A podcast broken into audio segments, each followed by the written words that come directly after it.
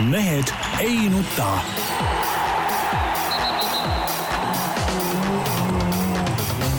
mehed ei nuta. selle eest, et mehed ei nutaks, kannab hoolt Unibet, mängijatelt mängijatele. tere teisipäeva, Mehed ei nuta taas kord eetris nagu ikka. Tarmo Paju Delfist, kõigest. tere. Peep Pahv Delfist ja Eesti Päevalehest. tervist. Jaan Martinson Delfist, Eesti Päevalehest ja igalt poolt mujalt ka. no poliitikast rääkides, siis tegelikult täna hommikul ma võtsin pähe seda, et enam mina se- neid sotseid tegelikult ikkagi ei vali. lõpuks ometi. oled, näinud, mis ma olen teinud seda tööd seal toimetuses nagu, nagu kihutustööd ja lõpuks on no mis see, mis see Peep tegi nüüd ei, Peep ei teinud nagu õigupoolest midagi, aga, aga täna, täna hommikul kuulasin raadiost seda totrat reklaami, et meie seal mingeid lastetoetusi kolmekordistasime ta-ta-ta.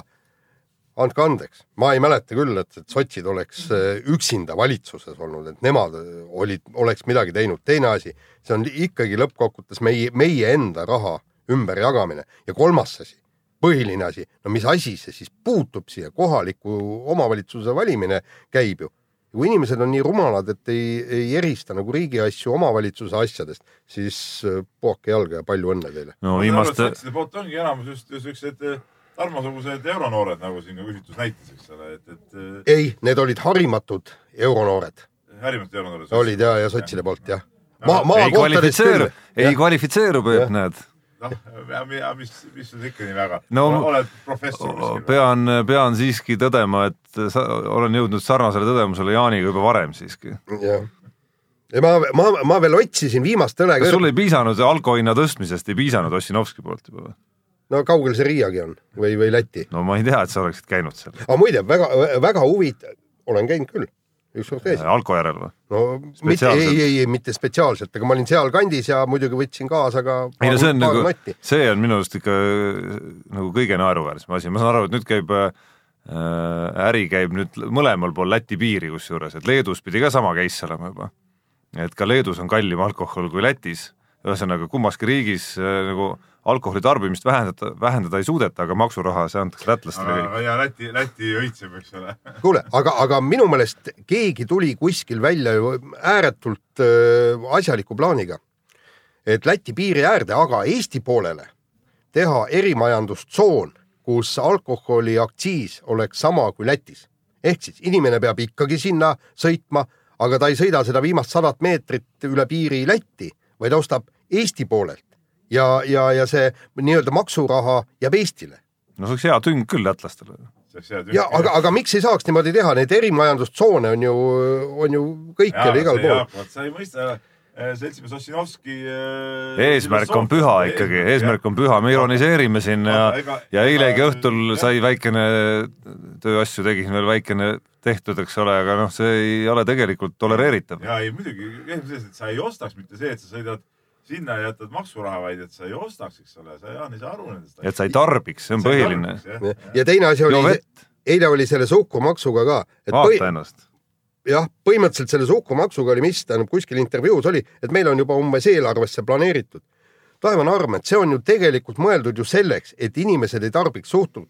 idee on ju see, et need joogid lähevad niivõrd kalliks, et keegi Keegi neid ei ei osta, osta jah. ja öö, riik ei saa selle eest mingit maksuraha. Aga nüüd selgub, et me seda oleme, eelarvesse planeerida ei tohiks üldse, jah. noh, just, see ongi nagu asja mõte.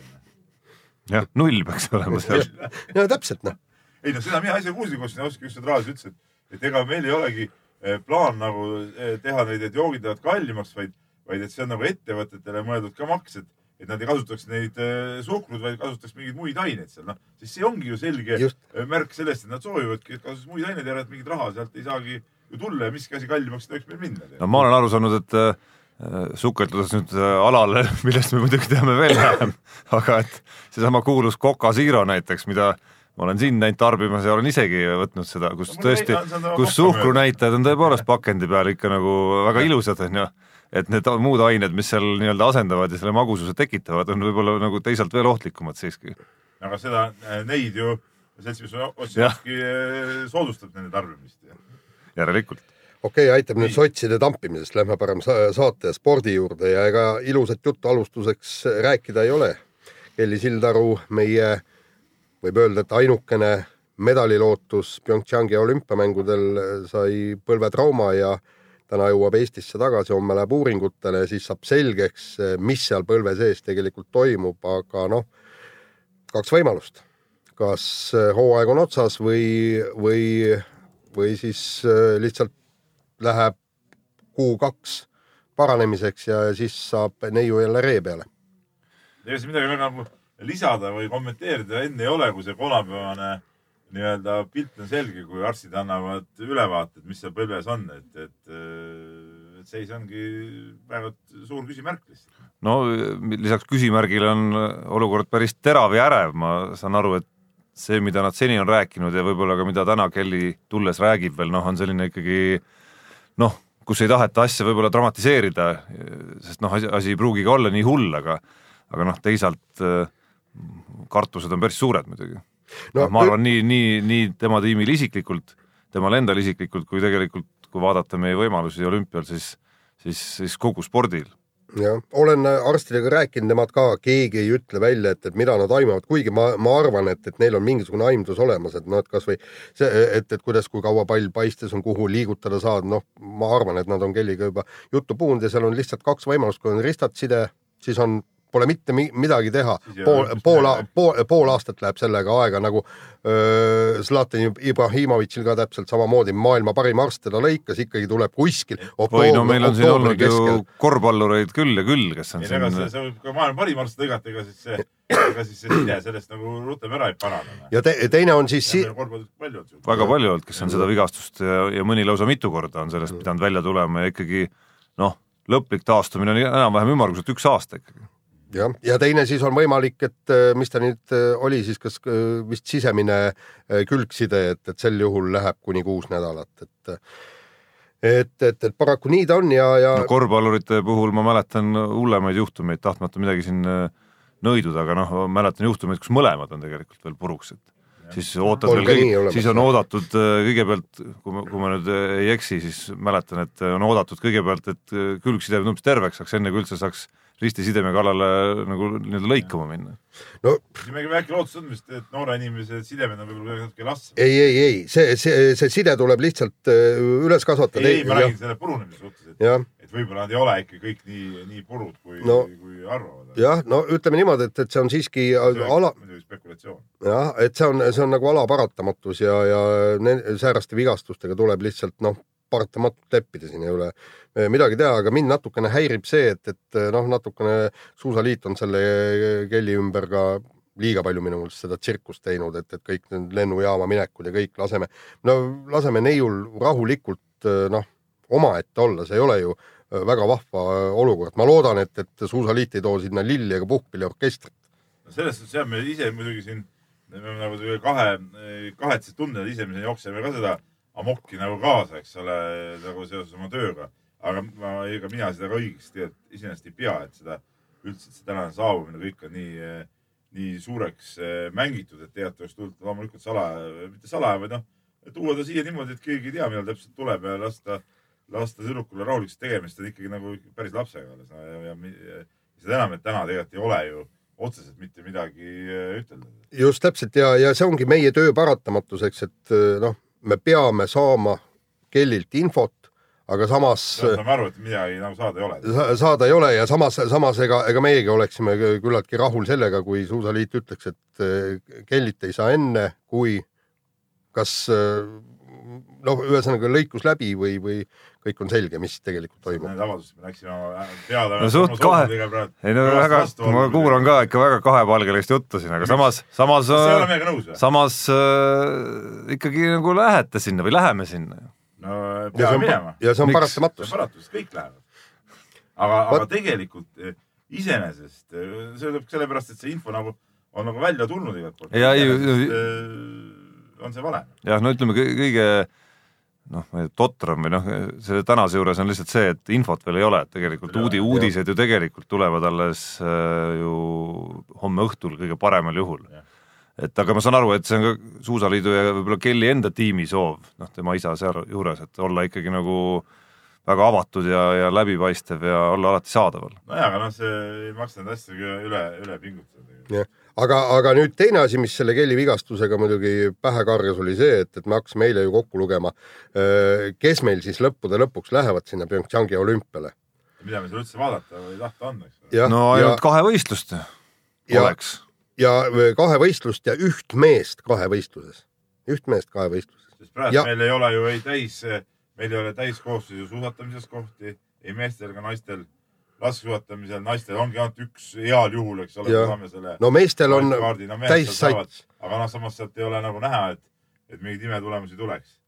noh, no ma ei oska öelda, ma ei ole, tahakski tegelikult lugeda natukene, see vis-, visates kivi praegu natukene teie enda kapsaaeda. laskesuusatamise käekäigust tahaks tegelikult küll teada, kas, kas see aasta, kas see aasta on suudetud ilma haiguste ja asjadeta treenida või mitte? meil ei ole ju, ma räägin, naisi näiteks ei olegi. ei no naised naisteks, aga Ta- see, ta- rohkem, nagu pildis saad viimasel ajal. no tegelikult ikkagi on, kui, kui oleks neid ületreeningu nähte ja neid asju, siis ikkagi nagu meestelt oleks võinud eelmine hooaeg midagi oodata. Tarmo, vaata, ma olen nii, ma olen siin nii palju, nii palju selle murdmaaga öö, tegelenud, eks.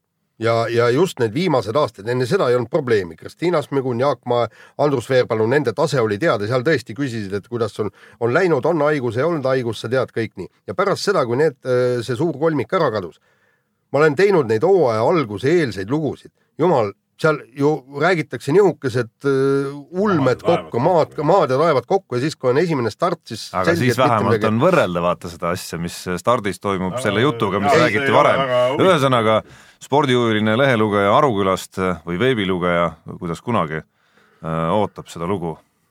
kui me teeme selle loo, me veebi seda ei pane, selle peale. jah, täpselt, selle no välja eks. ma loen siis lehest. see oli praegu, nii, aga võtame siis järgmise osa, osa ja võtame kiire vahemängu ja esiteks Ameerika jalgpallist, aga ainult otsapidi. Margus Sunt, meie eh, kuulus ameeriklane, kuulutas kõigile, kogu Ameerikale, et Eesti populaarseim spordiala on kergejõustik. vot nii. eks ta populaarne küll, kui on parajasti suur võistlus või, või, või meil on mõni hea tegija, aga niimoodi öelda, et populaarse spordiala, seda kindlasti ei saa. tead, tegelikult ma hakkasin mõtlema, noh, vaata, vaata, millised rahvajooksud, vaata, kui palju seal, kas me liigite, ei, kas, ma ei usu, et kas Margus Unt nüüd äh, SEB Tallinna maratoni päris mõtles seal. nii, see, ei, see on esiteks, et vähemalt massi on. kui me, kui me kvalifitseerime nagu selle nii-öelda öö, pikama jooksu kergejõustiku hulka, teine asi on see, et koolides on ikka tõesti see kergejõustik populaarne. no ma, ma ei tea, kuidas, kuidas kaasajal, kas on, toimuvad klassidevahelised öö, jalgpalli, korvpallivõistlused, üks on selge igal juhul, jah, toimuvad. Toimuvad, jah. jah, aga, aga igal pool, aga, aga põhimõtteliselt iga laps on ju siiski, teeb kergejõustikut erinevalt näiteks korvpallist või võrkpallist. Nad ju kõik klassitundides ka ja täitsa korralikult hüppavad kaugust, kõrgust, jooksevad ja salapopulaarne on Jaan.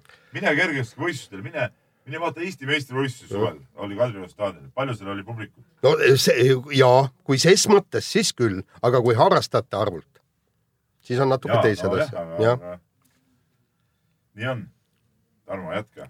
ja jätkan, ma pidin vahepeal natukene timmima siin mikrofoni. Peebu hääl, Peebu hääl ei kostunud hästi läbi. pildiku alusel näitasid ära timmi nii ei, vastupidi, vastupidi, Peep äh,, ilmselt oli Peebu jutus asi rohkem, ma arvan, kui selles nagu tämbris. nii, aga järgmine teema, jalgpalliliit trahvis Infoneti erinevate rikkumiste eest kolme tuhande ja FC Florat viiesaja viiekümne euroga, jutt käib siis sellest äh, fännide kaklusest. Ja Infoneti tegevjuhi Aleksander Altosaare kommentaar sealjuures oli muidugi puhas kuld, et kaklemine staadionil äh, on korra tagamisest kuus korda odavam, ehk siis äh, parem las kaklevad, võtame selle trahvi vastu, selle asemel, et ma ei tea, investeerida turvameestesse. Tarmo, ma ei tea, mitu korda eh, ma olen siin saates seda pidanud rääkima, et jalkafännidel eh, see jalg, kaklemine või ütleme, see korra rikkumine on üks põhitegevus ju noh, sellepärast nad tihti käivadki seal jalgpalli vaatamas, on see välismaal nii, on see ka Eestis nii, nii et siin midagi imestada ei ole.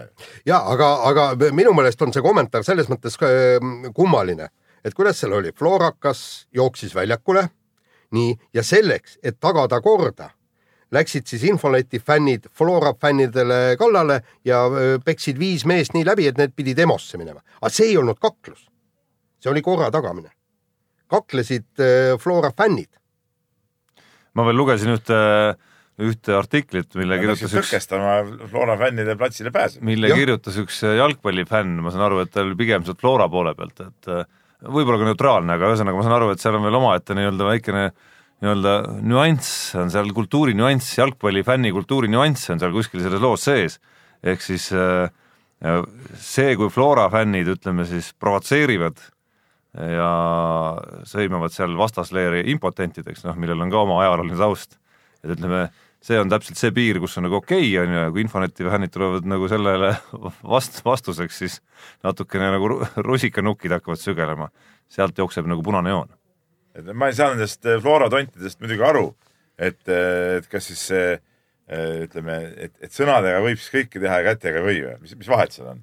kui sa sõimad tõesti impotendiks. natuke vahe on muidugi, kehalised vigastused ega muud vahet. ei, aga aga oota, kuule, aga siis ongi, kas ilma hammasteta on parem seda hüüda teinekord või? küsiks üks küsimus. väga lihtne ju ja, ja kuule, aga tead, ma hakkangi siit vaatama, et äh, siin on ikkagi, tähendab äh, niima-, nii-öelda EMO-sse pekstud äh, mängija hind, et äh, kolm tuhat mängija, pealtvaataja. või pealtvaataja hind, tähendab kolm tuhat äh, eurot ja see on siis äh, viis meest vist EMO-sse, kuus sotti. kuus sotti per, per hammas või per hambad.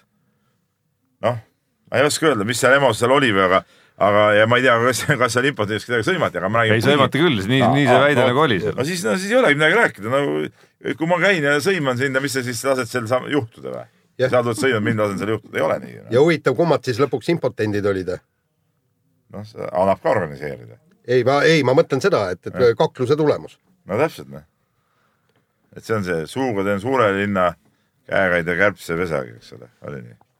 nii, aga lähme huvitavamate teemade juurde ja, ja oli meil eelmine nädal siis Ott Tänakuga äh, sihuke äh, live intervjuu, kus inimesed said küsida ja vastata ja, selle intervjuu käigus tuli välja selline asi, et äh, Ott Tänaku kaardilugeja Martin Järveoja on kunagi rahvaralli ühel kiiruskatsel äh, näidanud Ott Tänakule koha kätte ja, ja olnud tast kiirem, nii et äh, tuleb välja, et äh, Ott ei olegi nii kõva mees. jah, äkki meil oleks äh, MM-i liidrikoht, kui hoopis vastupidi oleks rollid seal. aga kus, kusjuures muidugi me, nagu Ott ise ütles, et, et mees hõõruvad kogu aeg seda nina Jah. alla pidevalt, et et no see, aga noh, mis teha, no see on sihuke äh, elu möödalaskmine Oti poolt, eks ole. ja, ja, ja kusjuures ja, tulid ja kõik seda protokolli ja, täpselt. ja ütleme, seal oli üldse igast mehi oli tast eespool, nii et, et Ott ei olnud, Ott oli vot mingi kuues või seitsmes mees seal tollel aga kiiruskatsel. kuidas rallis reeglid on, öelge nüüd, kas äh, ralli sees näiteks vahetada tohib ühel ja tohib kiiruskatsel? küll, seesama, kui sa, sa jälgid seda meie intervjuud, tuleb välja. seal oli ka sellest juttu, ta meenutas. võiksid ju teha seda ma Saaremaa ralli. kuidas, et mul ei tule nagu meelde, et päris rallil oleks seda juhtunud ja siis eh, Ott meenutas, et kaks tuhat üksteist, kui Peter Solbergil olid ülesõidul vist Võeti load ära. load ära ja, ja siis eh, viima-, päeva viimaseks kiiruskatseks pidi kaardilugeja rooli minema, et see oli see väike publikukatse, aga sõitis enam-vähem ära, aga Solberg ise ei saanud nagu roolis olla seal. ma kahtlustan, et Saaremaa rallil kindlasti on mõni kiiruskatse, mida läbitakse kaks korda. no kindlasti jah. nii äh,, väga lihtne, ühel kiiruskatsel on Tänak roolis ja teisel kiiruskatsel Järveoja. no Tänak sellega nõus ei ole, sest ta ütles ise ka seda, et ta, ta nagu kõrval seal istuda ei, ei, ei taha, et see, see ei ole nagu tema jaoks. jah, rool peab ikka tema käes olema. temast nagu kaardilugejat ei saa. see oli ju ka üks, üks kuulaja küsimus. üldiselt see oli päris hea intervjuu, mul on hea meel, et, et meie kuulajad ja, ja lugejad saatsid nii palju ja, ja minu arust väga häid küsimusi, et et alguses planeeritud tund aega, meil tegime tund kümme ja tegelikult ega me kõiki küsimusi ei jõudnud isegi selle ajaga ette võtta ja, ja, ja küsimused olid tõesti head. no tuleb veel teha. ja lo loodame, et, et jah teha,, loodame, pärast hooaja lõppu saame veel Otiga kokku, aga lähme järgmise teema juurde ja totter vaatepilt oli, et, et aastate, aastate, noh, kas just aastate, aga üks oodatumaid poksimatše Gennadi Golovkini ja äh, Saul äh,, Saul Cancelo Alvarezi vahel jäi viiki. Ja, ja kusjuures noh, eriti veel see, kui see matš lõppes, siis mõlemad olid täitsa kindlad, et nemad võitsid ja kõik ja siis no lõpuks susserdati kuidagimoodi see viik välja ja siis see kohtunik, kes selle matši viigiliseks luges, sai nüüd ei, karistada sai see kohtunik, kes äh, leidis, et Alvarez oli ülekaalukalt parem selles matšis. või- või siis tema, üks jah, kohtunik sai. pani Golovkinile, üks pani viiki, väga napilt. ja siis kolmas vend pani siis äh, ülekaaluka võidu Alvarezile, kuigi kõik asjatundjad leidsid, et Golovkin oli parem selles matšis. no no põhimõtteliselt eks ta nii ole, aga noh, nagu me teame, et see on show ja see on tsirkus tegelikult see pro, profiboks, nii et ega suurt vahet ei ole, vennad saavad nüüd kordusmatši pidada, pista jä- järgmised miljonid tasku ja lõpuks on ikkagi kõik minu rahul. arust tuleks reegleid muuta, tähendab. taovad ikka niikaua, kui võitja on selgunud. ei, ei, seal on, no tuleb minna hakata nii, nii-öelda penaltilööke tegema. et seisad, jah, täpselt. aga no seal Selline- selline ala on ju kuskil- muidugi päris kõva selle. Selline ala on ju- veel parem variant penalti on nii, et sa kaitse ei tohi, mõlemad seisavad ja ühel hetkel võivad kumbki panna nagu nätake ära, et kes siis jääb püsti, on võitnud. Kui ala- jäävad püsti, uuesti seisavad, on kong ja siis ühel hetkel võivad jälle lüüa. kaitset ei tohi panna, eest ära ei tohi ka tõmmata ennast. Selline ala on ju maailmas olemas isegi, kus kordamööda lihtsalt lüüakse ja lahtise käega vist käib see tegelikult. kuskilt, ma ei tea, Aasia kandist ma kahtlustan, on seal võib-olla kuskil Mongoolias või kuskil. ma olen, huvitavad siuksed spordiala eristused, mida ta jälgib e-sport. e-sport ja nüüd mingi lahtise käega vastu näevad. ja ei, olen Youtube'is sattunud peale sellistele videotele, kus tõesti pannaksegi no. kordamööda ja kumb enne langeb. vaata, normaalsed inimesed ei satu siukeste videote peale, aga, aga sina millegipärast satud. kui, kui tõsiselt rääkida, siis piisab Youtube'is tegelikult sellest, et natukene ükskõik millist võitlusvideot vaadata ja siis Youtube juba hakkab sulle soovitama. ei tea, ei tea. ei tea, vot ma kulutan No oma aega, mille, ei, ma, ma kulutan oma aega millelegi muule kui mingi Youtube'i videode vaatamisele. palju õnne! aitäh. aga kiire vahemängu lõpetuseks äh, ühest teisest totrast vaatepildist. Pariisi Saint-Germaini jalgpalliklubi ostis endale kokku küll kõik ilmad ja mehed, aga viimases koduliiga mängus Prantsusmaal siis Lyoni vastu äh, uus probleem, Neimar ja meeskonna siis eelmise aasta suur staar Edinson Cavani ei suutnud kuidagimoodi ära jagada esmalt, kes lööb karistuslööki ja siis mingid hetked hiljem veel penaltiga oli täpselt sama teema nagu kaks väikest nagu jonnivat laps, last põhimõtteliselt käisid seal palli ümberringi. no põhimõtteliselt, kas treener on seal, ma, ei tea, kas ei, kõige meeskonnal on treener,? kõige naljakam selle juures oli äh, treeneri kommentaar pärast, mulle tundub, et tegelik meeskonna probleem ei ole selles, et äh, mehed ei suuda midagi ära jagada, vaid äh, see, et meeskonnal ei ole normaalset treenerit, sest treener ütles, et äh, et kui nad nüüd äh, kokkuleppele ei saa, eks ma pean ise siis midagi ütlema. päris õudne lugu küll. peabki ütlema minu meelest, noh. jah, et no tegelikult need asjad tulekski enne mängu kokku leppida, see on nagu selge, noh, siin ei ole mõtet ju mängu ajal hakata seda võitlema, et kes, kes keda või mida, et, et äh, ja, ja näiteks noh, mina ütlen küll niimoodi, et kui äh, me poisid mängivad kossu, on mingi tehniline viga, et noh, on vabavõistluse koht, siis, siis ma muidugi kõrvalt ütlen, kes läheb viskama ja, ja, ja nii, nii ongi, seal ei ole midagi, midagi jonnida ega võidelda. Läheb see, kes on minu silmis parim vabaviskaja tol hetkel platsil, loogiline. noh No, sul ei ole Neimari sugust meest lihtsalt vaata, kes Ei, ütleb ise sulle. ei no kuule, treener on A ja O. Neimar siis pingile noh. kui, huvitav, kui Peep Pahv ükskord Lebron Jamesi juhendab, tahaks näha, kuidas, pingile. kas siis ka, kuidas need asjad käivad seal, no David Plattiga tahtis ka niimoodi teha, aga lõpuks on no. No. James on edasi seal, kus ta on, aga Platt ei ole. see on klubijuhtide lollus noh.. no lollus või mitte, aga Platti seal ei ole enam. nii, aga lähme järgmise osa juurde ja Peep võtab nüüd kirjad ette. on kirjapaki ette ja siin on kirju on muidugi palju.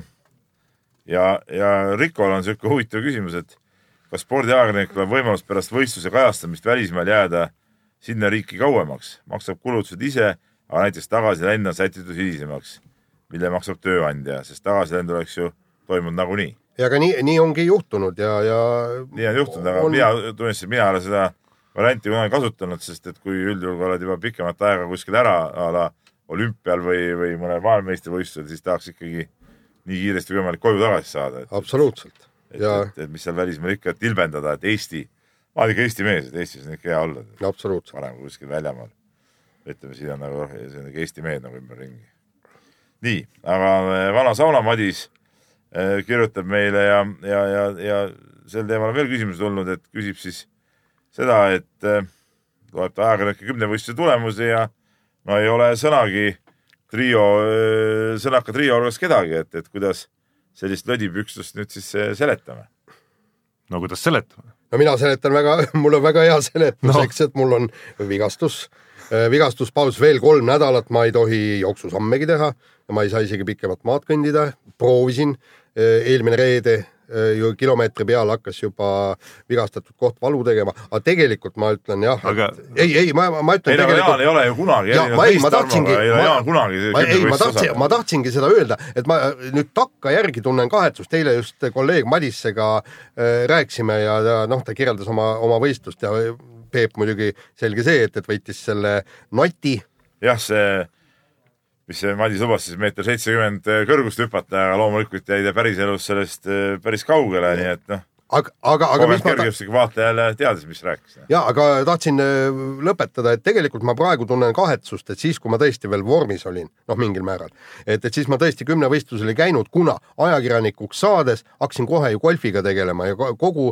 kogu suvi ikkagi noh, ütleme niimoodi, et, et mul oli golf tähtsam kui, kui see kümnevõistlus. kuulajad said ka teada, kui hea teenistus on spordiajakirjanikul, et kui hakkasid spordiajakirjanikuks, siis hakkasid ka niisugust kallist ala nagu golf harrastama, et see, see jah. Ei, ei, tegelikult no- ega tasubki saada spordiajakirjanikuks muidugi. no tahtmata nüüd äh, Peebul noh, ei ole ilmselt mingit õigustust. minul on väga õigustus. noh, mina olin oma noorte korvpallitega turniiril, ütleb Peep, ütleb Peep, vihjates nagu vastasel juhul oleks ta stardis olnud. muidugi oleks. oleks. absoluutselt.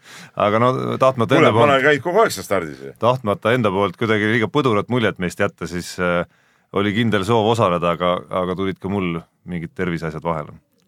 seda enam, et tegelikult ma tahan nüüd öelda, väga kahju muidugi. kogu see kamp, kes seal seekord seda kümnevõistlust tegi, et ega nad on ise ka natuke lödipüksid ikkagi tegelikult, sest et eh, nagu minul jõudis informatsioon, tõkked joosti mingisuguse harrastajate kõrgusel, kui meie omal ajal seda kümnevõistlust tegime, siis meil olid alati ikkagi päris tõkked, eks ole, Tarmo? no mind, jaa, absoluutselt, mind eelkõige hämmastas see, tahtmata jällegi nagu liialt midagi paukuda, sest noh, ise starti ikkagi ei jõudnud. mis siis, et, mis siis, et, mis siis, et asjaolud olid äh, täiesti olemas. et äh, teine nüanss, mis ikkagi silma hakkas, oli see, et nii mitugi meest meie enda toimetusest, noort meest, pealtnäha väga sportlikus vormis, said kehvema tulemuse kui, kui Peep omal ajal. Kui ta kaalus, kui ta nagu- kaalus juba siis jah. üle saja kilo nagu kõvasti. jah. no see jälle näitab ära nagu, nagu vendade taseme. nii, aga nüüd jälle, jälle täna me saame palju muidugi siin nahutada ja, ja kirjutab meile Marko ja ütleb, et ta on eh, saate suur fänn ja kõik kuulavad meie saateid algusest peale ja kõik on, kõik on tore, aga eh, ta ei taha uskuda, et oleme nagu poliitikud, kes ütleb midagi välja, ütlevad ja, ja siis jätad see tegemata ja meil on jäänud üks asi tegemata, ehk siis oleme lubanud minna õue ketast heitma. aga pole neid kettakaari meie esituses nagu nähtud. ei no aga põhimõtteliselt see jällegi seesama põhjus. Peep oli kõigepealt seal kergejõustiku MM-il ära ja pärast seda mul on vigastus ja ma tõesti öö, olen täiesti kindel, et ma ei saa selle jalaga seda ma võin kinnitada, Jaan, Jaan tegelikult ka on olnud viga, on olnud vigane, ta No. mängis nimelt noor reporter Roosnaga tennist ja ja, ja olles kaotusseisus matšpallil, otsustas siis teeselda jalavigastust, üritas käia siin ka karkudega natuke aega, vahepeal unustas ära, pidi kargud võtma, vahepeal lonkab vahepeal teist jalga ja nii edasi, aga noh, ütleme nii, et vigastus siiski on. Ei no see, see eksperiment kindlasti saab tehtud, aga enne tuleb Laatsaret terveks saada.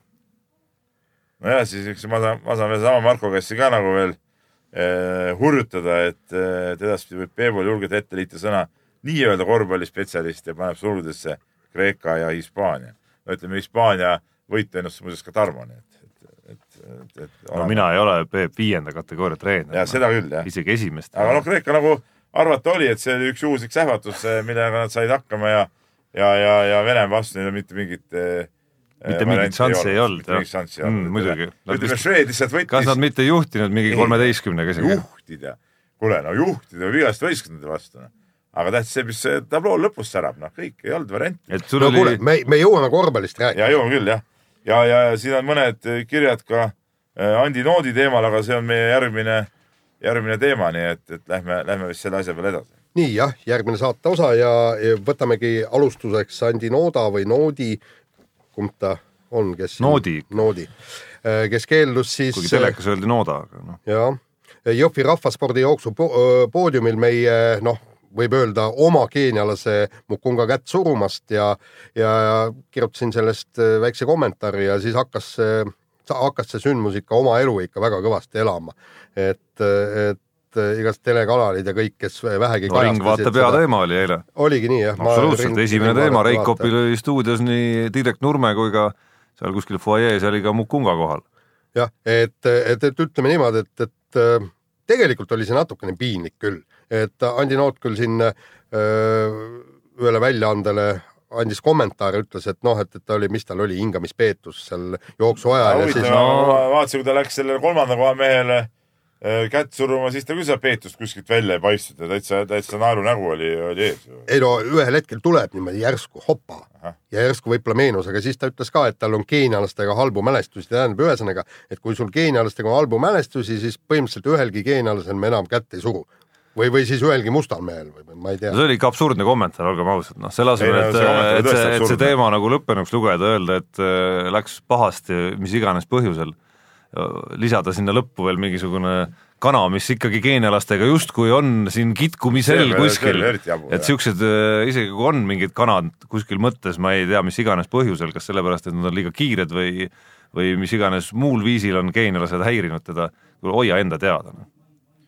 ja seda kindlasti ja, ja, ja noh, kokkuvõttes kogu see inin, nii nagu Jaan väga õieti kirjutas, see, see Eesti, meil läks eelmine saade ka sellest Eesti meistrivõistluste võit, maratoni võitja jutt ja nii edasi, et noh, nagu olete nõrgad, no siis midagi ei ole teha, noh, et, et äh, siin võite enda arust olla kõvad jooksumehed, aga kui Keenias on tõesti mingi, ma ei tea, tuhandeid äh, suvalisi vendi, kes jooksevad teist paremini, siis tuleb seega leppida, noh, ma ei tea, kas valida mõni muu ala või, või, või, või olla rahul sellega, et need geenelased ja kas muud mustad mehed teist kiiremini jooksevad. Ja ime, et Indrek Nurme saab veel üldse niimoodi nagu vabalt ringi kulgeda, et järgmisena nad võiksid ju oma pahameele kõik Indrek Nurme Ei, kaela ajada, tema on, tema on ju Mukunga siia toonud, kutsunud, tema vajab Mukungat, et koos trenni teha.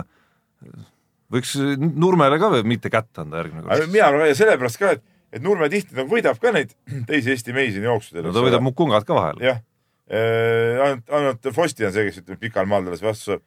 ülejäänud nad võiks üldse ignoreerida teda, et, et noh, et, et ta on ju meist kõvem, miks ta tuleb siia starti, nagu ta on parem kui meie noh, et tal ei olegi õigust siia starti. ei, aga Ti- Tiiret Nurme ju kommentaaris ju ütleski, et ollakse ka tema peale pahased. Ja mina mäletan neid, noh, ma, praegu ei ole nagu öö, nii tihedalt nendel nii-öelda rahvarallidel, jalgrattarallidel käinud, aga, aga noh, siis kui veel Kirsipuu ja Tombak ja vennad sõitsid, siis, siis se- seal olidki täiesti noh, tähendab, ütleme meie amatöörratturid, kes olid, olid täiesti solvunud, kui nägid stardis, et Kirsipuu tuleb koos Tombakuga sinna ja siis ühe, ühel rallil oligi niisugune absurdne öö, jutt, et vend pärast, et pagan, et näed, et auhinnaks oli jooks rehve. mul oligi tal-, talverehve vaja, tead, eks. ja nüüd, pagan, Kirsipuu tuli, võttis rehvid endale või ma ei mäleta, kes see, see oli võib-olla Lauri Aus või kes see seal oli, et, et tuli, võttis minu rehvid endale. jabur, ja oli solvunud, et Jah. ütles, et te, neil vendadel, nad on profid, neil on pappi nii palju, mis nad tulevad siia, eks. mul on rehve vaja, tema tuleb, võtab endale. ma arvan, et Eesti jooksjad peaks ikka organiseerima ühe kättemaksuaktsiooni, minema vastu retkele, ma ei tea, mis Keenias küll auhinnad on, aga põhimõtte pärast lihtsalt Keenia jooksuvõistlustele, et noh, lähme siis sinna ja võtame nende nina eest ära. ja las siis geenlased seal äh, on Ja mossitavad ei ja anna ei anna kätt, ega midagi, tead noh. kuule, aga see kuule, aga see on selles mõttes tõesti hakata mõ- mõtlema absurdne. tähendab, et eks teise koha mees on esimese koha pea, mehe peale vihane, kolmanda koha mees teise ja esimese koha ja viimane, kes viimaseks jääb, see on kõikide peale vihane. pagan tulevad siia, kui neid ei oleks olnud, oleks ma ära võitnud. rehvid endale saada. jah, täpselt. ma ei kujuta ette, mida teevad, ma ei tea, Saksa jooksjad, ütleme kõik sellised, kes vähegi rohkem trenni teevad, et Berliini maraton ja Eh? ja noh, sihuke armaada on ees seal, pahased jälle noh, Etioopiast, Keeniast, igalt poolt noh. Täpselt noh. ja siis tuleb Loskutov ja võidab siuksed kahe, ära. ütleme no, nooda tasemel või noodi tasemel tüübid, noh, ei, nad on väga pahased kogu aeg noh, kellelegi kätt ei anna, eks ole, unistavad eh, kolmekümnendate aastate võimu tagasitulekuks, et, et siukse ja jooksust, jooksust rehvidest. ja et, et ei saaks, ei saaks tulla need mehed sinna enam, tead noh, piirid kinni no.. piirid kinni. nii, vahetame teemat, läheme vormel ühe juurde ja ja siin alles eelmisel nädalavahetusel oli mul ühe väga tulihingelise vormelifänniga vestlus, kus ta kurtis, et justkui nagu igav olevat see aasta see võistlus, okei okay,, et Vettel ja Hamilton on väga tasavägises seisus, aga et nagu võistluse ajal niisugust korralikku action'it on võib-olla vähe olnud, kui sa võtad ühe sõidu sees nende vahel. ja noh, nagu tellimise peale tuli. Singapur vormel üks etapp ja seal sai action'it kohe esimese poole ringiga niimoodi, et et noh, jätkub aastateks, ütleme nii, ehk siis äh, Raikkonen, Vettel surusid Verstappeni omavahel kinni, katkestasid nii Verstappen kui Raikkonen ja siis läks veel mõnisada meeter mööda ja Vettel ise sõits ka seina. no põhimõtteliselt me vaatasime seda intsidenti siin toimetuses ja, ja, ja vaatad, vaatad, et noh, esialgu nagu ei saanud noh, et okei okay,, see, see tõesti oli sõiduline moment, eks, aga, aga keegi peaks seal süüdi, süüdi olema, kui inimesed on. süüdi oli Vettel, siin pole midagi rääkida. just täpselt jah, ja oligi ja täna ma siis lugesin ka Vill- Villeneuve'i ja väga paljude arvamus on see, et, et eh, kui Vettel kedagi üldse süüdistada saab, siis iseennast, et ta hakkas eh, ennast sisse ja siis, Vettel ütles, et tema ei näinud Raikkonneni ja, ja tema ei teadnud, et see Raikkonen on. no aga selle kohta ütles ka ju. Hamilton nagu nii-öelda Vetteri kaitseks, et et sellises situatsioonis ei pruugigi näha seal noh, nii-öelda pimeda, pimedas nurgas olid nad mõlemad. just, aga, aga kogu küsimus on see, et, et miks sa siis hakkad nagu välja lõikama.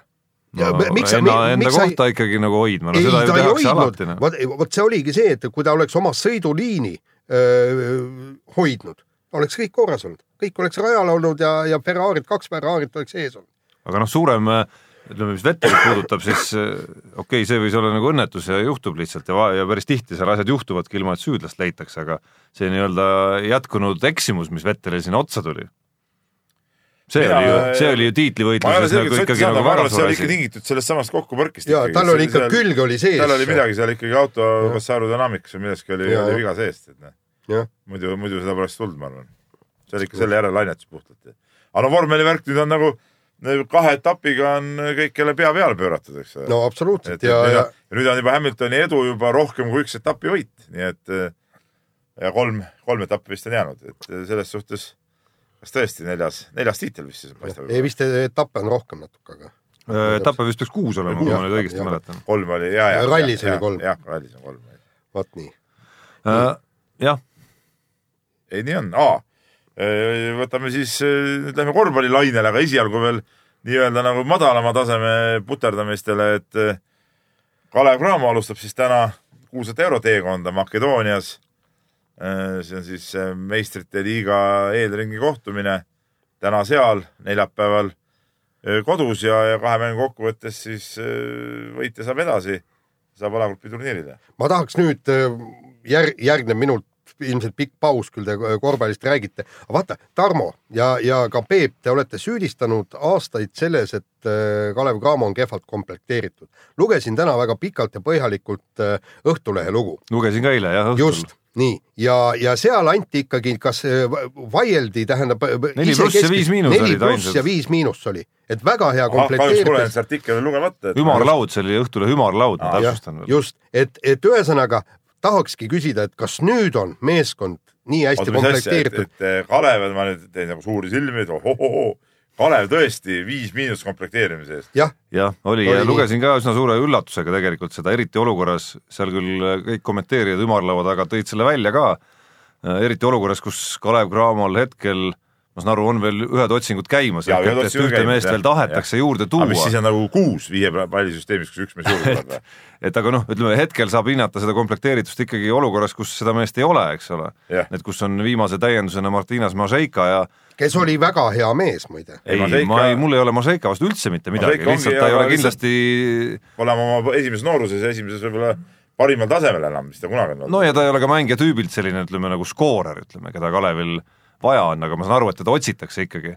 noh, mistõttu ikkagi noh, ma ei tea, viis miinust ei saa nagu mingi valemiga, isegi neli plussi sealt välja võluda, sest hooaja noh, ühed tähtsamad mängud hakkavad pihta juba ja seda seda nagu vajalikku lüli meeskonda ja võib-olla isegi kõige tähtsamat lüli ei ole leitud. üks hea asi, mis on, on sellel meeskonnal, on see, et on äh, kõik äh, kohad on äh, komplekteeritud niimoodi, et seal on ikka dubleeritud mängijad, eks ole.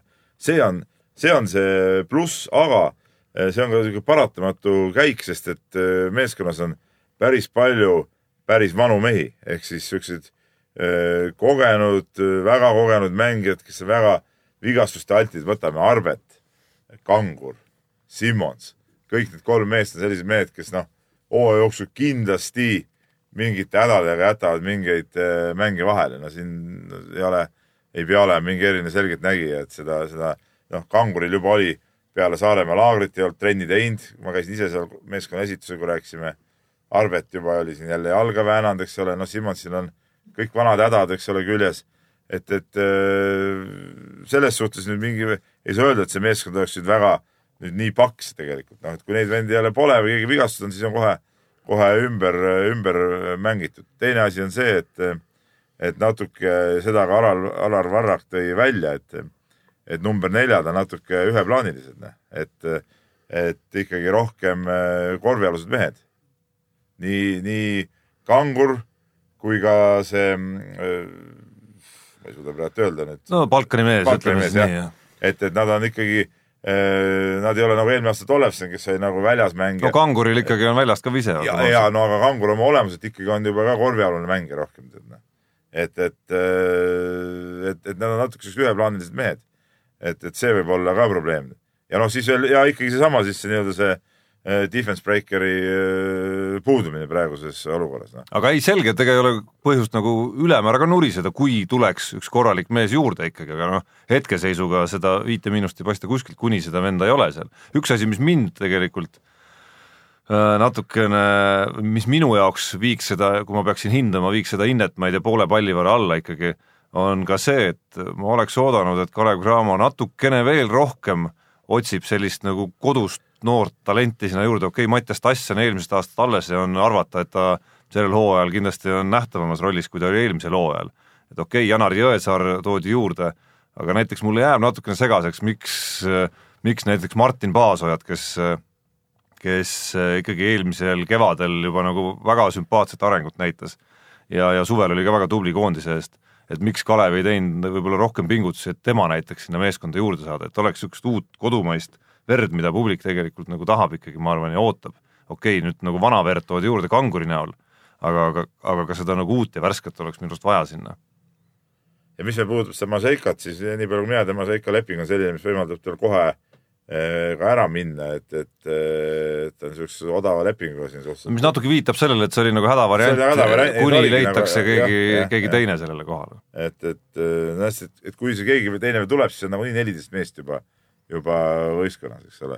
et mind rohkem huvitab jälle see, et, et kuidas ja mis roll sa ütlesid, Mattias Tassi roll võib olla nagu silmnähtavam see hooaeg, noh no ilmselt Ma ei- kodustes mängudes. ma ei tea, no oleneb, kui palju nad kodus mänge üldse saavad, eks ole, et, et kui, kui nad äh, saavad ju eurosarjas alagruppi, VTV-s on mänginud kodus ainult kaks ringi, noh siis seal väga palju neid, neid mänge ei ole ja mind huvitab ka see, et mis see Madis Soodla roll hakkab seal olema, et, et, äh, et temal on nagu raske näha seda. selles seltskonnas on, on see ikka, ikka üsna keeruline, noh, ütleme kontrollmängudes Tass sai seal mingeid võimalusi, aga, aga noh, loodame, et ta hakkab siis tõesti läbi hooaja ka neid saama samamoodi.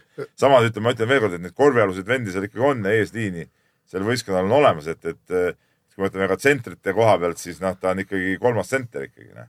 et, et see ei ole nagu nii, et ta peaks saama nüüd noh, ma panen ennast nüüd nagu treeneri seisu, seisukorda, et et kui on ikkagi mingi tähtis mäng on, noh, VTB mäng on, on euro, eurosarja mäng, no kus sa seda kolmandat tsentrit ikka seal mängu tood, see nagu ei, ei ole nagu, ei ole nagu kuskilt otsast nagu loogiline.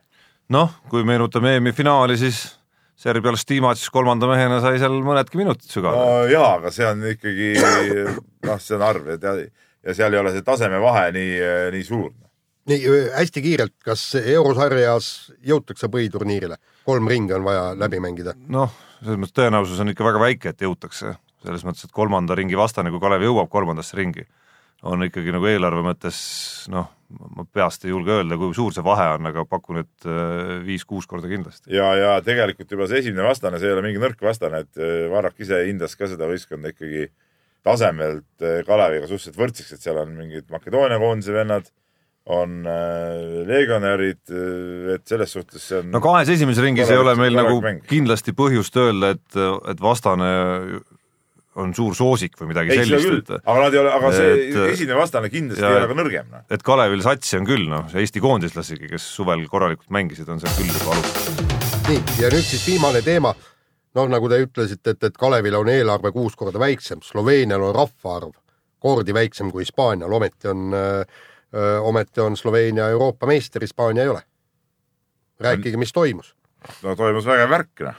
siin nagu esimene emotsioon, et, et tegelikult äh, olen siin nii mõnegi inimesega rääkinud ja ka meie nii-öelda teine noor reporter Madis Kalvet ütles, et vaatas mängu telerist ja see on ikka selle aasta, ütleme teleris vaadatuna ikkagi üks kõvemaid emotsioone, see finaalmäng, eks ole, Serbiaga, et see oli tõesti ikka suurepärane, suurepärane korvpall, noh oli see Hispaania mäng ka muidugi vägev, aga, aga finaal on ikka finaal, noh, et, et no esimene küsimus, esimene küsimus ju kui hakata rääkima, mis juhtus, ongi ju see, et mis juhtus Hispaaniaga ikkagi, et mi- mis selles mängus nagu kõigepealt juhtus.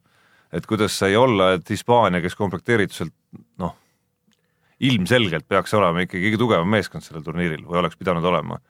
et, et mismoodi Hispaania lasi ennast ikkagi niimoodi üllatada, et laseb endale sadakond punkti visata ja, ja nagu ei saagi pidama Sloveenia paari mängijat. no see on, see on väga lihtne, ütleme tead, see Hispaania koondise tuumiku võib-olla sihuke paigaldammumine oli natuke märgata juba ju Riia olümpial, et, et nad mängisid küll oma noh, level on nii kõva, eks ole, nad jõudsid lõpuks ju pronksini, eks. aga tead, see nende mäng ei olnud ju eriti särav. tehti siin väike põlvkondade vahetus ka, eks ole, osad need vanad mehed ikka alles veel. ja tegelikult seesama EM oli ka, nad said kergesti alagrupist läbi, tekkis mulje nagu ta oleks hirmkõvad, aga nii kui tuli esimene tõsine vastane, siis oli kõik seda sära ei olnud, seda, seda, kuidas ma ütlen, seda siukest võidunälga, mis oli näiteks Sloveenia võistkonnal täiesti olemas, seda võidunälga Hispaania koondises ei olnud nagu näha. ja, ja eks nad läksid alguses mõttega, et noh, küll ta tuleb ja tuleb ja noh, küll me saame, aga no ei saa ja, ei, ja siis juba ei saagi, noh. ega seda võidunälga kuskil poole mängu pealt enam juurde endale ka ei tekita. noh.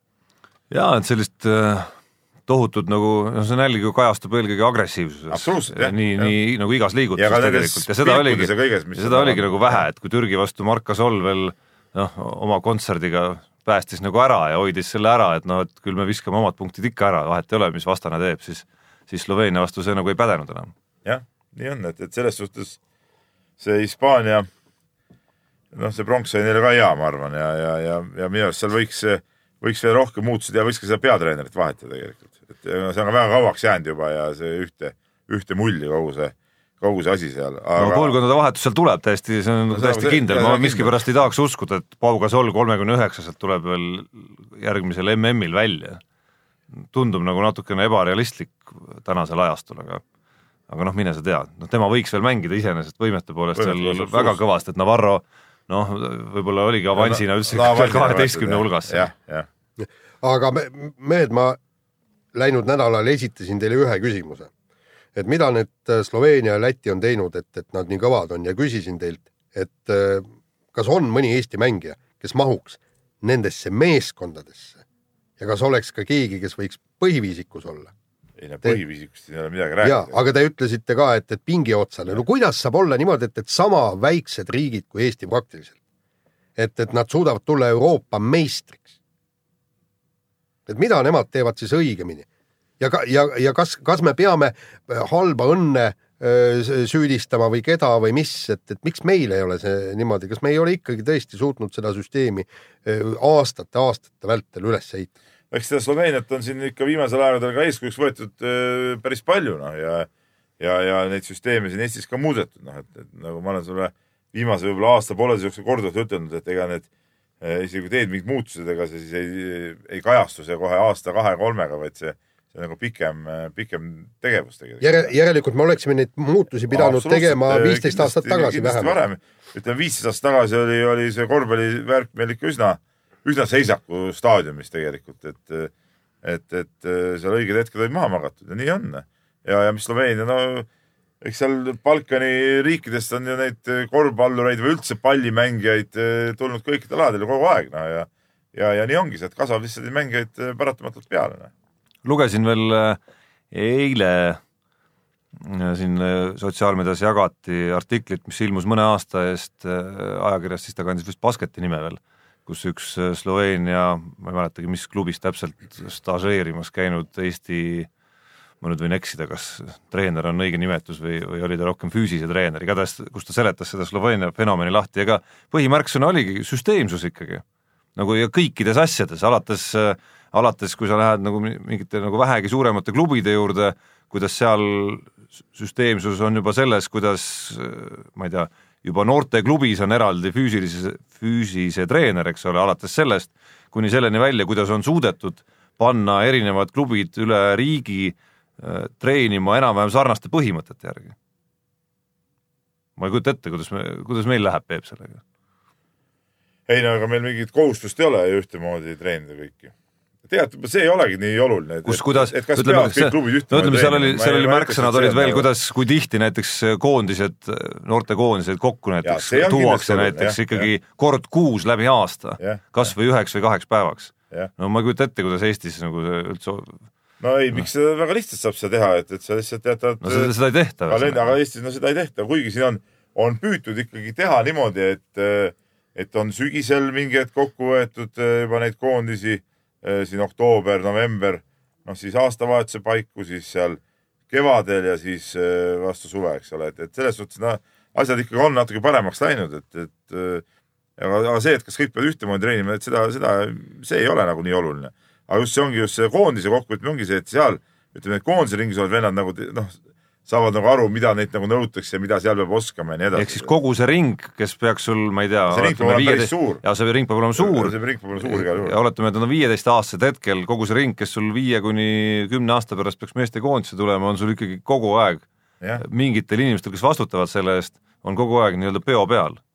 absoluutselt jah, jah vot, aga noh, me kaldusime, kaldusime muidugi nii-öelda mängust endast nüüd muidugi minema, finaalist me ei, ei saanudki veel rääkida. no, no mis seal nii väga palju rääkida on? no, no selles suhtes nagu mis seal rääkida, rääkida palju, draamat oli ju, ju rohkem kui rubla eest nagu, et, et. no lõppdraama on ikkagi läinud, no tuli, tulid puidetid pingilt võtame, ja tegid mängu võtame, ära. võtame need Dontšitsi vigastus, Dragitši krambid, samas enne seda mõlemalt mehelt, no eriti Dragitšilt see super veerandaja, eks ole, vägevad, vägevad esitused ja siis lõpuks jah, kui kumbagi liidrit nagu polnud, siis ikkagi leidus, leidusid veel mingid mehed, kes võtsid selle vastutuse ja, ja vedasid välja, eks ole, et, et. jah, no kui sa ütlesid, et nagu, tulid, nagu sünged, et... kui sa ütlesid, et tulid puidetid välja, siis, siis ma igaks juhuks äh, ütlen siia vahele, et kui, kui võib-olla jah, Klemen Prepelitši nime keegi ei olnud varem kuulnud enne seda EM-i, siis tegemist oli siiski mehega, kes eelmisel hooajal Prantsusmaa liigas viskas kuusteist punkti mängus, kuusteist. ütleme peale Bogdan Bogdanovitši, ma arvan, Serbias pole ühtegi meest, kes suudaks Prantsusmaa liigas kuusteist punni mängus visata okei okay,, Marjanovic välja arvatud. ma arvan, rohkem tegelikult ei ole. no ei, ma nüüd nii no sellist skooritegijat. no, no jah, okei okay. nojah, puhas skooritegija, seda küll jah, jah, jah. et ütleme noh, seal oli ka potentsiaali ikkagi selleks kõigeks, et seal need varukäigud, kas tema või Jaka Blasitši näol näiteks, kes kaks väga tähtsat korvi viskas. ka ikkagi euroliiga mees tegelikult. absoluutselt ja mitte niisama istunud seal ja, aastaid, vaid ja. korralikult mängud. ja need, siis, siis nagu Randolph, eks ole, võttis võttis, kui oli kõige rohkem tarvis, võttis paar korda seal asjad oma peale ja, ja noh, ja nii ta läks, aga, aga mis mulle endale seal kõige rohkem meeldis ka, et ikkagi sealt ka vahetusest tulid ka needsamad need, need suured jurakad, eks ole, kelle, keda siin sai ka siin võib-olla siin telekommentaatorid siin vahepeal naersid nende üle siin Lätiga mängus ja nii edasi, aga, aga seal ikka mingid mehed mingid minutid tegid ära ja, ja, ja hoidsid ära oma jutud seal, noh. et see oli nagu, nagu, nagu vägev, et, et see kõik see, mis mulle meeldis väga, see kogu see võistkonna see tuhh oli ikka nagu metsik tegelikult. no üks asi, mis mulle veel väga meeldis. mitte, et Serbial kehva oleks, et Serbia nagu teenimatult natuke jäi nagu varju, et ega tead, Serbial oli ka ju, oli kõik ju, ju vägev ja hästi ja kõik sama see, see meeskonna vaim ja mõtleme sama, kuidas see Stiimat seal pingi peal, eks ole, seda vaimu hoidis, läks platsile, mängis seal, möllas. kõik vennad tahtsid ju ka meeletult, äh, eestlase treener Džordževitšiga kõik, aga noh seekord läks nii, noh, et, et, et, et ega müts ma nende ees ka, ega nad panid ka ei no Serbia on omaette müstika selles suhtes, et äh, sellest koondisest vähemalt kuus meest, kes kindlasti oleks seal koondises olnud ja vähemalt kaks meest, kes oleks kindlasti olnud ka algkoosseisus, kui mitte kolm, olid ju puudu sellest meeskonnast. ja see on olnud ju viimaste aastate niisugune nagu suht tavapärane praktik-, praktika Serbial, et väga olulisi mehi on puudu, sellegipoolest mängitakse nüüd siis EM-i finaalis, enne MM-i finaalis ja olümpiafinaalis, et Georgievitši käe all on selline seeria meeskonnal käsil, kus neli suve ja alati on poolfinaali jõutud kõikidel suurturniiridel yeah., mis on nagu omaette müstika. aga Sloveenia puhul minu arust kõige vaimustavam osa, see tuli finaalis nagu minu arust eriti hästi välja, just nagu kontrastina natuke, sest seal ütleme, Lätiga need stiilid olid sarnasemad. Äh, Georgievitš, vastaste peatreener, ütles selle kõige paremini minu arust välja, et Sloveenia tõi nagu NBA kiiruse tõi ja, nagu Euroopa ja. väljakule et see, mismoodi seesama Goran Dragic, kes noh, ei ole enam ju mingisugune nagu kahekümne nelja aastane vend. no kolmkümmend üks, ei ole ka tea, mis vana. eks ta on kogu aeg kiire vend. absoluutselt, aga mismoodi minnakse lahendama kiireid rünnakuid, mismoodi tagamehed lähevad ja push ivad selle palli üles ja lähevad rõngani välja. see oli minu arust nagu kõige vaimustavam asi üldse selle Sloveenia meeskonna juures. nojah, mind, mind ennast ikkagi vaimustas muidugi, kui me räägime nüüd üle väljaku minekust, jah, Dragici minek olid muidugi sünged, aga see Dontšitši minek, mis ei olnud nii kiire, aga mis lõppes räige pealtpanekuga, see oli nagu ikkagi ka nagu ikkagi no mul oli ikka ka nagu suu lahti teleka ees. ja no ja. see oli nagu ebareaalne nagu, et me, me nagu vaatasime poisiga erinevates tubades alguses mängu pärast, vaat teist pool, lõpupoole vaatasime koos juba. aga siis ma vahepeal ikkagi peale seda sooritust pidin ikkagi minema seda kommenteerima ka, ka teise toa poole, et, et noh, see no ja, Jaan vahel viskab Dontšitsit vaadates mingi siukse hea killu, et kus siis meie kaheksateistkümneaastased kõik No on ma äh, pronksi mänguks kommenteerimiseks valmistudes huvi pärast vaatasin, et mis seisud Hispaanial on. ja noh, see näitab Luka Dontšitši erandlikkust, et äh, noh, Hispaanialgi pole vanusevahemikus kaheksateist kuni kakskümmend nagu no midagi nagu ligilähedastki no sinna panna. vaatad need mehed, kes on Barcelonas või Madridi Realis näiteks, need Hispaania oma noored, kes on valitud äh, noorte EM-idel seal alg-, sümboolsetesse viisikutesse või MVP-deks isegi. No ei ole nagu ligilähedalegi. nii, aga lõpetuseks ikkagi sellel Sloveenia võidul on äh, väike must plekk küljes. aga Indrek Visnapuu, meie kuulus korvpallitreener, ütles, et äh, kui vaja ja reeglid lubavad, siis äh, tuleks ka Eesti koondisel võõrmänge endale võtta. minu arust see on nii jama teema ja nii jama jutt, et ma ei tea, Indrek Visnap on tore mees ka tuli siukse, siukse jutuga välja, et no esiteks teeme asja selgeks. Eesti seaduses, et nii kergelt seda kodakondsust ei lubagi ja õigemini see valitsuse tasemel kokku lepitud, seda ei anta, eks ole. nii, on Sloveenia muut-, nüüd on, muutis ma nii seadust. palju ainult parandan, nüüd on meil küll uus valitsus, mind väga huvitaks, mida Jüri Ratas peaministrina ütleb, kas, kas tema näeb, peab võimalikuks eriteenete eest siis nii-öelda ette neid kodakondsusi anda? see oleks väga huvitav No see oleks ma ootan endiselt aga-, millal seda, millal te küsite aga teda. kas meil on vaja nagu ütleme. Vaimu kapist välja lasta. ei, mina seda ei poolda, aga mind väga huvitab, mida Jüri et no Ratas ütleb. tegelikult eh, no seal ei tea, ei no selles ma saan Indrek Visnap jutust aru ka, et seal oli see küsimus ka, et et kui meil on nagu mingi selge eesmärk ja selle jaoks, aga mis see eesmärk siis on, teab eesmärk, et jõuda eh, EM finaalturniirile kuskile või No igati normaalne eesmärk. see ei ole küll see eesmärk, mille pärast välismaalast tuua. see ei ole, Tarmo, see eesmärk. ei, miks miks see variant- vähem on, meie jaoks jõudmine sinna ongi peaaegu no, nagu jaa, aga no võit. see, seda, seda tuleb oma meestega teha. et kui oleks variant, ma ei tea, seal jõuda veerandfinaali, finaalturniiril EM-il, et, et sellest nüüd on mingi käik puudu, siis ma saaks veel, kuigi ma seda ei poolda ikkagi ka siis, siis ma saaks veel nagu kuidagimoodi aru, miks seda tehtaks. aga, aga selleks, et olla, kas olla Euroopa kahekümne, ma ei tea, teine või kahekümne kuues, no kurat, sellel ei ole mitte mingit vahet ja sellepärast ei ole vaja küll siia mingeid musti mehi tuua. Või No noh, või valge on, või olla. Valge, Valgevenest või Venemaalt või ükspuha kust, ei, ole mingit mõtet. ja no, noh, minu seisukoht aastate jooksul on ju teada, et ma ei poolda seda, riikide aga koondis ongi riikide koondis, see ei ole klubi, rääkida midagi, et maailm on muutunud. see on ju loll jutt ju, see on klubid, see on klubid, kes, kus mängivad mehed, kes, kes tahavad, ei pea olema ühtki eestlast kasvõi Kalevis või, või see kõik on lubatud ja siin ei ole midagi öelda, see on eraettevõtlus. aga koondis on ikkagi riikide koondis ja õnneks on ka teistel aladel, vaatasin kergejõustikus ka vahepeal hirmsasti, Türgi hakkas ostma sisse neid välismaalasi, kergejõustik tõmbasid luku ette, kõik ei saa enam, no ei anta enam neid võistlustubasid niimoodi, ongi õige, ei saa enam. et minu arust peaks ka need riigid, kes kuidagi nii-öelda valgel poolel veel on, noh, Eesti on sellest äh, potist muidugi üsna pisku, aga ütleme, Leedu ja Serbia on ikkagi üsna arvestatavad jõud, kelle puhul ma näen ikka nagu mingit põhimõttekindlust. Siin on Milos Teodosic kunagi öelnud, et nagu eriti rajult, et äh, kuidas ta häbeneks ikka nagu maa alla ennast, kui Serbia peaks ka äh, seda teed minema ja noh, Serbia on näidanud, et tal ei olegi vaja No minna. vaja, tal no pool satsi asja. puudu, ikka mängitakse medalitele kaks kogu aeg. et nad peaksid pigem nagu seda võitlust ajama, et, et seda absurdsust nüüd kuidagi tagasi hoida, sest teistpidi on minu arust see asi läinud nii absurdseks, et, et needsamad valged jõud võiks minna sinna kuskile kõrgemale ja tulla välja ja viia see asi nagu eriti absurdi ja teha ettepanek, et aga miks seda, miks me, miks peab üldse tegema nii, et Randolph peab võtma selle Sloveenia passi, et teemegi niisuguse reegli, et võidki võtta ühe legionäri, ta võib olla USA passi kogu lugu noh, sest praegusel juhul on ju teistpidi ebaaus.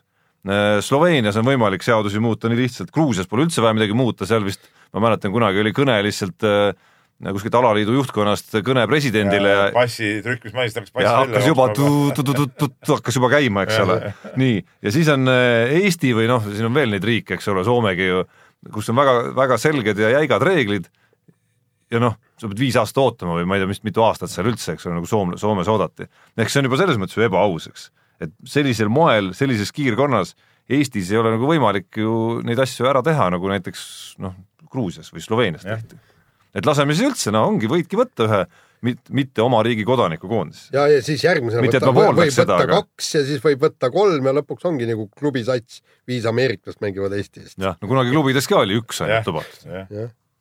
nii no, nii, loodame, et terve mõistus võidab ja, ja, ja lollused ei pääse, pääse nagu esile. nii ja sellega on meil saade lõppenud, kuulake meid nädala pärast, käige vahepeal seenel ära, puravikke sõin just eile, nii et seeni on palju metsas. Mehed ei nuta.